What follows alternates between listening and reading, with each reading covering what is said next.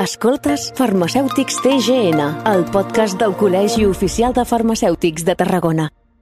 Benvinguts i benvingudes una, una vegada més a Farmacèutics TGN. Ja sabeu aquest espai aquí a Ràdio Ciutat de Tarragona amb el Col·legi Oficial de Farmacèutics de Tarragona, l'espai per conèixer doncs, amb més detall el motiu de ser, la tasca i el dia a dia doncs, del sector farmacèutic i especialment doncs, envers la ciutadania. Avui volem tractar de dos temes en concret, el de des desabastament dels medicaments d'una banda i d'altra banda la recepta mèdica privada. Ho farem com sempre doncs, amb la companyia del Col·legi Oficial de Farmacèutics de Tarragona, però avui també amb el Col·legi oficial de metges.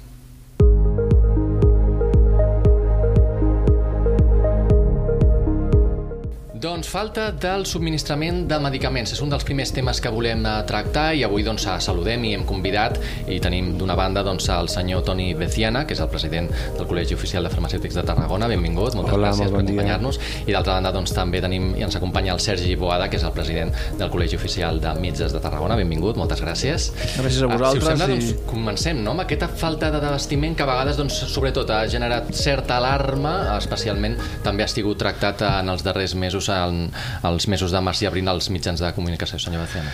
Sí, és un problema real que tenim a, a Tarragona, a Catalunya, però que és un problema d'abast mundial. Per tant, a més, té múltiples causes eh?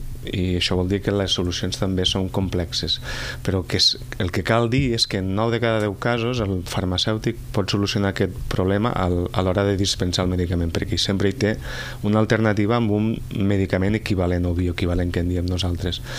Quan això no ho podem solucionar des del taulell de la farmàcia, aleshores el que fem eh, des del Col·legi de Farmacèutics també tenim una eina digital que posa en contacte la farmàcia amb les farmàcies del seu entorn per a veure si alguna de les farmàcies de l'entorn té el medicament que s'està buscant i aleshores s'envia a l'usuari o al pacient a buscar el, el tractament amb aquesta farmàcia. I quan això no, no es pot fer, doncs, perquè el problema és molt a nivell global, doncs hi ha una altra, una altra solució que és eh, el Ministeri de Sanitat importa, compra el medicament a l'estranger, l'importa i el distribueix als usuaris a través del servei de farmàcia dels hospitals de referència. Si tot això no funciona, és aleshores quan necessitem la comunicació amb el prescriptor, amb el metge, que és el que té que decidir si canvia la forma farmacèutica o, o bé el tipus de tractament. Per això sempre diem que la comunicació entre els diferents nivells assi- assistencials és superimportant i això a dia d'avui potser és una de les mancances que tenim. I hi ha un problema real de, de subministrament o, o no ens hem de, de preocupar tant? Hi ha un problema perquè a, a dia d'avui ja, ja et dic que n'hi ha notificats un centenar, però que a la pràctica això no suposa un problema de salut pública perquè en la majoria dels casos, en el 90% dels casos, es soluciona al mateix moment de la dispensació. Uh -huh. Hi ha algun tipus de medicament concret que, doncs, ara deia que hi ha 100 casos en concrets, però no sé si hi ha algun que, que, que destaqui per sobre d'uns altres o que heu notat un repunt. Per exemple, a vegades són per, per augments en la demanda, hi ha, hi ha els tractaments, per exemple, per deixar de fumar, és un tractament que sempre els, els, els fumadors decideixen a començaments d'anys deixar de fumar i és quan augmenta la demanda. Aquest any, a més a més, el Sistema Nacional de Salut va incloure un medicament, el todacitant, que és la fiticina, un nou tractament finançat per deixar de fumar al mes de febrer. Això va suposar encara un increment més elevat de la demanda i durant dos o tres mesos van tindre problemes de subministre amb aquest tractament per deixar de fumar. A, a dia d'avui això ja s'està normalitzant i pensem que de cara a l'estiu ja no hi haurà cap problema, però sí, són, són tractaments puntuals que fa, fallen en moments determinats. Uh -huh. Senyor Boada, quina és l'experiència en aquest cas en les consultes?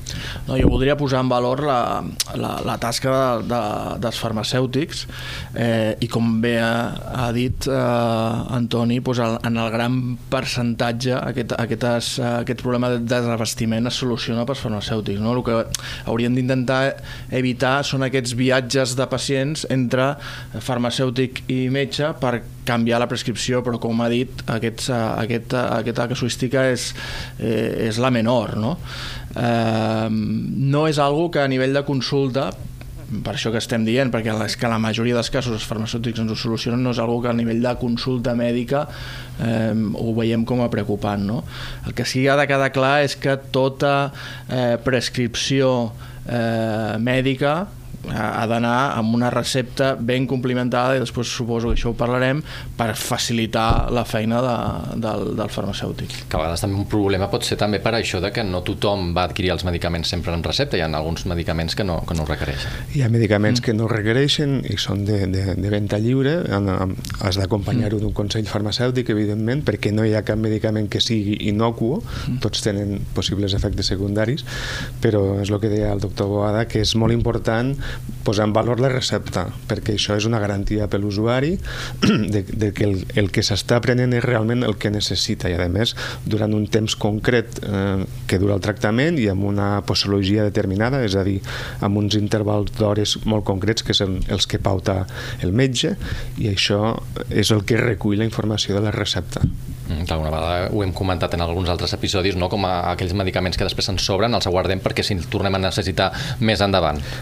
Error. El medicament que sobra d'un tractament s'ha de portar al punt sigre per a que la farmàcia l'enviï a la seva destrucció amb totes les garanties. No pots tindre amb una farmaciola restes de tractaments eh, que t'han sobrat. -huh. Quin consell podríem donar doncs, precisament a la nostra audiència en aquest sentit amb el consum dels medicaments per evitar aquests tipus de problemes?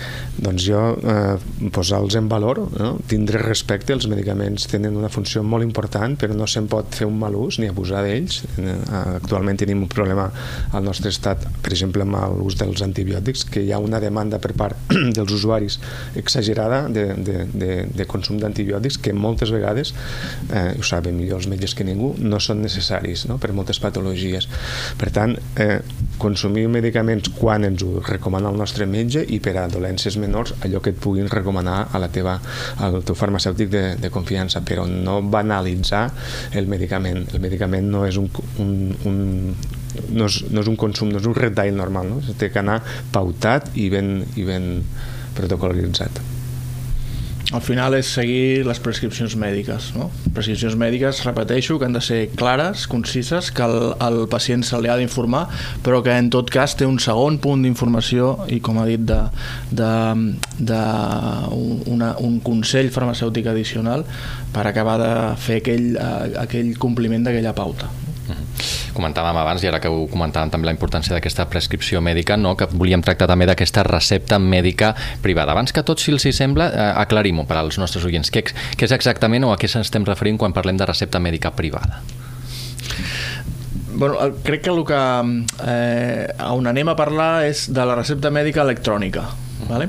que sí que eh, a l'àmbit d'aplicació pot ser la medicina d'exercici lliure o privada perquè Mm, tothom que ens estigui escoltant i que hagi anat a, a, a un metge amb una consulta del sistema sanitari públic sap que les receptes els metges les, les prescriu ja en un format electrònic no? un format electrònic amb el qual tu amb la teva targeta sanitària a la, a la farmàcia pots ah, adquirir aquest medicament això no passa quan anem al metge en exercici lliure o en metge a, a la privada. Vale? El, el, el, el pacient, en aquest cas, rep normalment una recepta en format paper. Vale? I podem parlar de la recepta en format paper i el primer que faré serà autocrítica de les receptes en format paper, però és el que estem habituats eh, fins ara. I això té una sèrie de problemes que també es podem comentar. El, el pas que estem eh, eh, intentant fer és canviar aquesta recepta en paper a una recepta electrònica. Vale?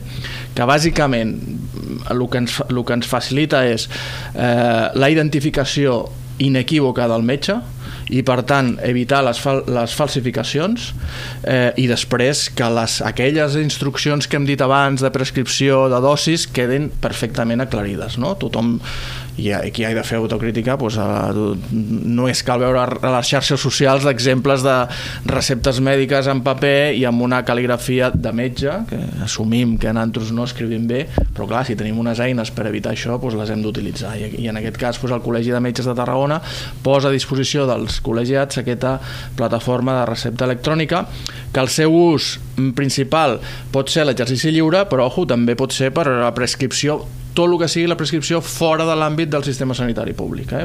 Autoprescripció, eh, prescripció familiar, eh, etc. Uh -huh. Com funcionen les farmàcies? No sé si ho han notat, que cada vegada hi ha més gent que ja ve directament amb la targeta en lloc de la, de la sí, és, recepta. És, és, és, com deia el doctor Boada, és, és recent el, la, la, el desplegament de la recepta electrònica privada a Tarragona, eh, ha començat aquest any, funciona l'usuari pacient ve amb, una, amb un paper, amb un codi QR, un codi data matrix o pot ser també amb, amb un, amb un format electrònic Aleshores, a la farmàcia, amb, amb l'escàner, llegim mm, aquest codi de, de, de temàtics que inclou tota la informació de la prescripció, dades del metge, la prescripció, la posologia, dades del pacient.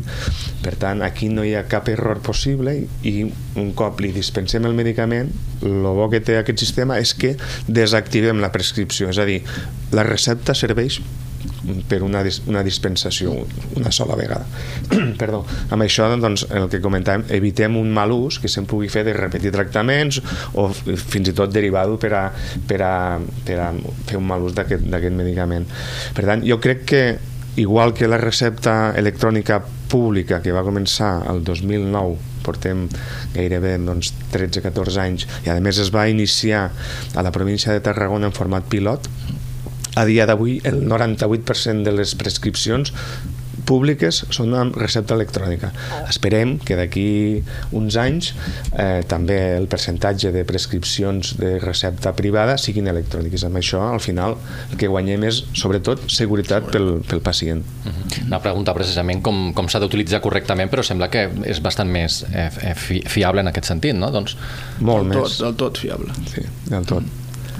Evidentment, potser al començament tindrem els problemes tècnics de, de, de, de, del desplegament del projecte, però que eh, en, poc, en poc temps això no, no suposarà cap problema, com no ho ha suposat tampoc amb el sistema públic de salut. -hmm. Ja per anar acabant, no sé si ens queda alguna altra cosa que vulguin destacar en aquest sentit o que vulguin jo eh, insistiria en la comunicació entre, entre no sols entre la farmàcia comunitària i l'atenció primària, sinó eh, a nivell assistencial la, que la, els metges de primària poguessin contactar amb més facilitat amb els especialistes, amb l'equip d'infermeria. Si la comunicació fos àgil, que, que tècnicament jo crec que s'hi podria, se podria fer. Falta potser mm, voluntat política a nivell mm. d'institucions. Eh, molts dels problemes que comentàvem que tenim els, amb els usuaris de, de fer-los anar de la farmàcia al centre d'atenció primària molts d'aquests problemes els podríem solucionar Sí, això és responsabilitat nostra, eh? perquè al final eh, el que hem de preservar és el ciutadà i evitar-li problemes. I aquí la responsabilitat és intentar, i de fet eh, hi, ha un projecte. hi ha ara un bon projecte entre els dos col·legis per intentar millorar aquesta comunicació directa entre, entre farmacèutic i metge eh, al final el metge a la farmàcia hi té accés perquè ells estan molt accessibles però el farmacèutic al metge eh, pot tindre més dificultat i el que estem treballant és precisament per facilitar aquest contacte del farmacèutic al metge que podria estalviar moltes, molts dels problemes en el punt d'accés no?